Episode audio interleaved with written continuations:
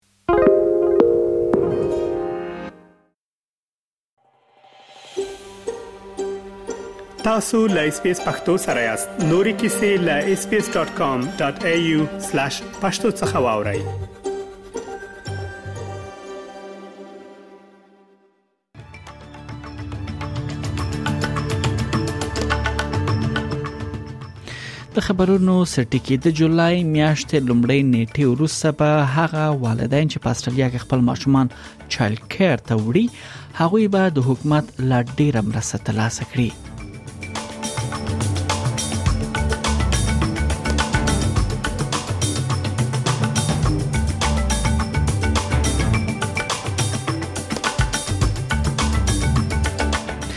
لخوا استرالیا کې لومړي ځل لپاره سایبری بریدونو مخنیوي ادارې لپاره یو لوړپوړی چارواکي او همغږي کونکي وټاکل شو د یاد ادارې مشري لاندې به په استرالیا کې د نن سایبری بریدونو او غلاو مخنیوي لپاره کارونه ګړندې کړي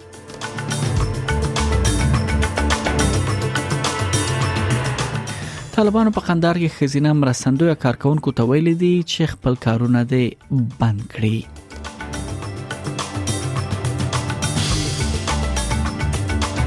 او په کورم ایجنسی کې د مذهبي توتریخوالي وروسته سنی او هم شیعه دینی عالمان د امنیت لپاره په ګډ کار سلا شوې دي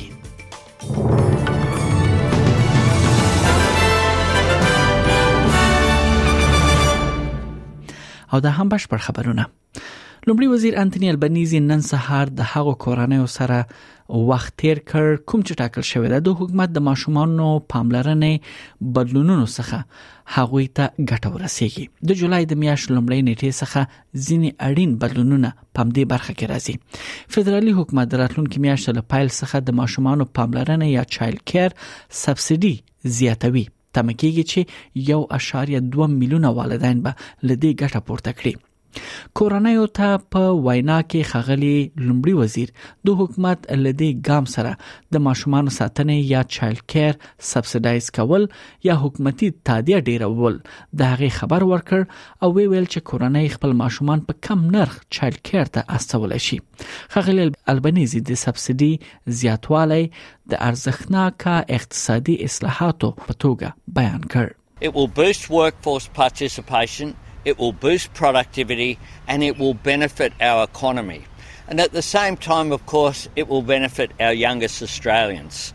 We know that over 90% of human brain development occurs in the first five years, so it is certainly good for children as well.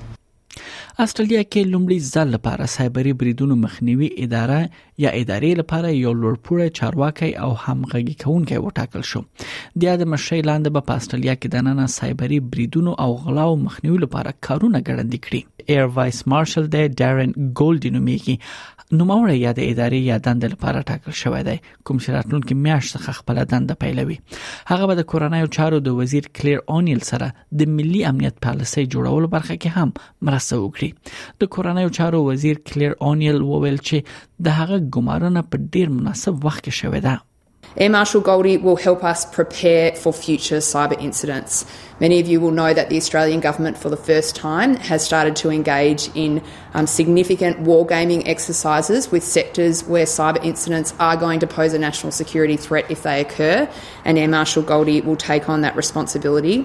Air Marshal Goldie will also play a really important role in helping us deal with a very significant issue we face, and that is Commonwealth cybersecurity, a very big problem for our country. بلخوا د استرالیا په هر دریو بالغانو کې شاوخوا یو به د بیمه پالیسیو کې کوم چې پیسې ډیره ورکړي دي هغه به بیرته د خسارې په توګه لیا د کمپنیو لاره ترلاسه کړي دا کمپنۍ به خپل مشتریانو ته چې حکومت لخوا لمندنه ورسته دوی یعنی مجبور شوی دي چې دا پیسې ورکړي دوی به 815 میلیون ډالر خساره خپل مشتریانو ته ورکړي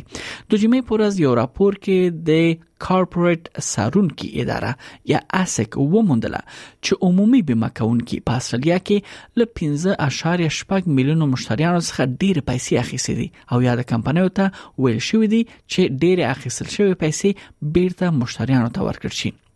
د بیمه په ډیری برخو کې سیستماتیک نرخونو لوړول او مشتریانو څخه ډیری پیسې یا ډیره پیسې اخیستل دا په دغه پلټنه کې موندل شوې دي د مصرف کونکو مدافع ګروپ چويس اجرایی رئیس الن کرلن چینل 9 ته ویل چې ډیری پیریدونکو حتی نه پوهیږي چې دوی له دوی څخه ډیره پیسې اخیستل شوی Well, I, I, think the way this has come about is you had um, sort of marketing teams in insurance companies coming up with campaigns around how they can get more customers or hang on to customers, and they've invented like literally thousands of different pricing offers and promises. But then the insurers haven't built the systems to make mm. sure they could pass them on to customers in a reliable way. And then if you're a customer, it's actually impossible to understand whether you're being charged the right amount. بل خو پر روانه ونه کې طالب چارواکو په قندار ولایت کې خزینه مرستندوی کارکونکو ته په یو مکتوب کې ویل دي او ورته لارښوونه کړې ده چې د کډوالو په یو پروژه کې د خپل کارونه بند کړي په دغه مکتوب کې چې د طالبانو د کډوالو او رسنیدونکو چارو ریاست لخوا لیګل شوې ده ادعا شوې ده چې دغه ولایت په سپین بولدک ولسوالۍ کې مرستندوی ادارې د طالبانو لارښوونه څخه سرغړونه کړې ده د رويټرز خبري اژانس دغه مکتوب لیدل دی او د قندهار ولایت لپاره د طالبانو د والي وین هم دغه مکتوب پخلی کړی دی په مکتوب کې راغلي دي ټول همکار موسسې چې د سپین بولدک د کډوالو او رسیندونکو چارو لسانګ سره کار کوي باید له خپل خزینه همکارانو څخه وغواړي چې خپل کاري ځایونو ته د نور ناراضي او تر بل خبرتیا یا امرسانی پورې به دوی په کور کې پاتې شي. د کورمې ایجنسۍ سني او شویه دیني عالمان پر دې سلا شوې دي چې د سیمې د امنیت ترڅنګ په ټولنه کې د زغم او دیوبل مسلکونو ته د احترام لپاره به په ګډه کار وکړي دا په داسې حال کې ده چې د مې پر سلورمه نیټه په تری منګل کې د سلور استادانو او درې مزدورانو تر وژنې وروسته په سیمه کې کړکېچ زیات شوی دی تر جرګې وروسته د سنیانو یو عالم مولانا یعقوب مشار راډیو ته ویل چې دواړه خواوې سلا شوې دي چې د سیمې امنیت ته به لومړیتوب ورکوي او کومه ستونزه پیدا کیږي نو د مذاکراتو لار به حلوي په تیرونیو کې د سنی او هم د شیعه مذهبي ډلو لخوا پر یو بل باندې بریدونه کیږي اکیږي چې دوی هدفي وژنه کې دوی لاس لرلی دی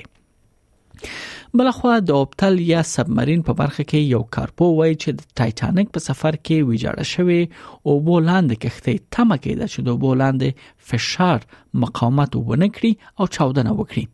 یو ژوره اوپتل چې 15 کسان د ټایټانیک بیړۍ ته د سفر په حال کې وړل ورسره هغه په ټوټو کې وموندل شو چې د وی ناورین چاودنې لامل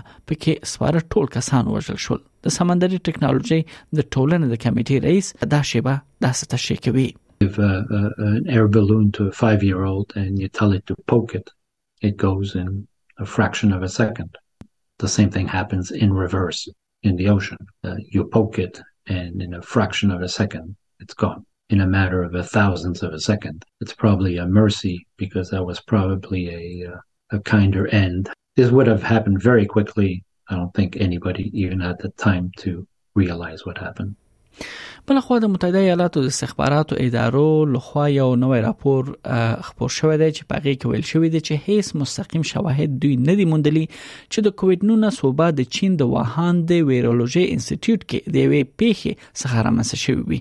څلور مخیز راپور د جمعې پر ورځ د ملي استخباراتو د رئیس دفتر لخوا افشا شو او په هغه کې د متحده ایالاتو استخباراتي ټولنه لا هم دا نشي کولای چې تایید کړي چې وایرس له لابراتوار څخه راغلی دی مګر یعنی نه توانیدلی چې د وبا اصلیت هم ومومي بلخوا د سیدنی په لویدیځ کې د بانکسټاون څخه یو پلار په استرالیا کې لاټري دویم لوی ګټونکی شو دغه سړی د پنځشنبه په ورځ د پاور بال په قرعهکشۍ کې 100 میلیونه ډالر وګټل په 2019 کال کې د سیدنی نرس یوازنی استرالی لاټري لوبغاړی و چې یو سلو و میلیونه ډالر په ارزښت کې دغه ډالۍ ګټلې و ولدای دویم کس شو چې 100 میلیونه ډالر وګټل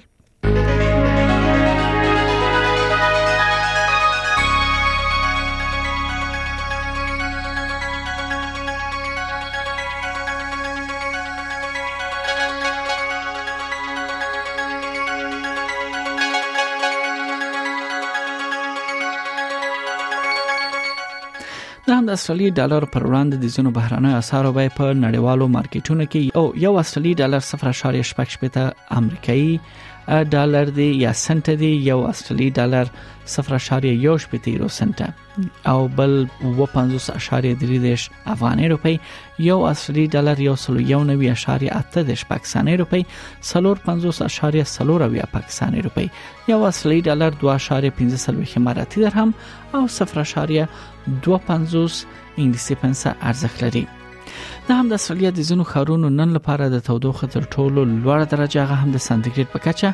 سیدنی کې هوا لمریز ده 19 په ملبن کې هوا باراني ده 14 په برزبن کې هوا لمریز ده 30 په پرت کې هوا باراني ده 14 په اډلیډ کې هوا باراني 15 په هوبرټ کې هوا باراني 14 په کمبيرا کې اسمان برګ ده 12 او په اخر کې داروین هلته هم هوا لمریزه ده او د تودوخې تر ټولو لوړه درجه هم 2 سانتیګریډ اټکل شوې ده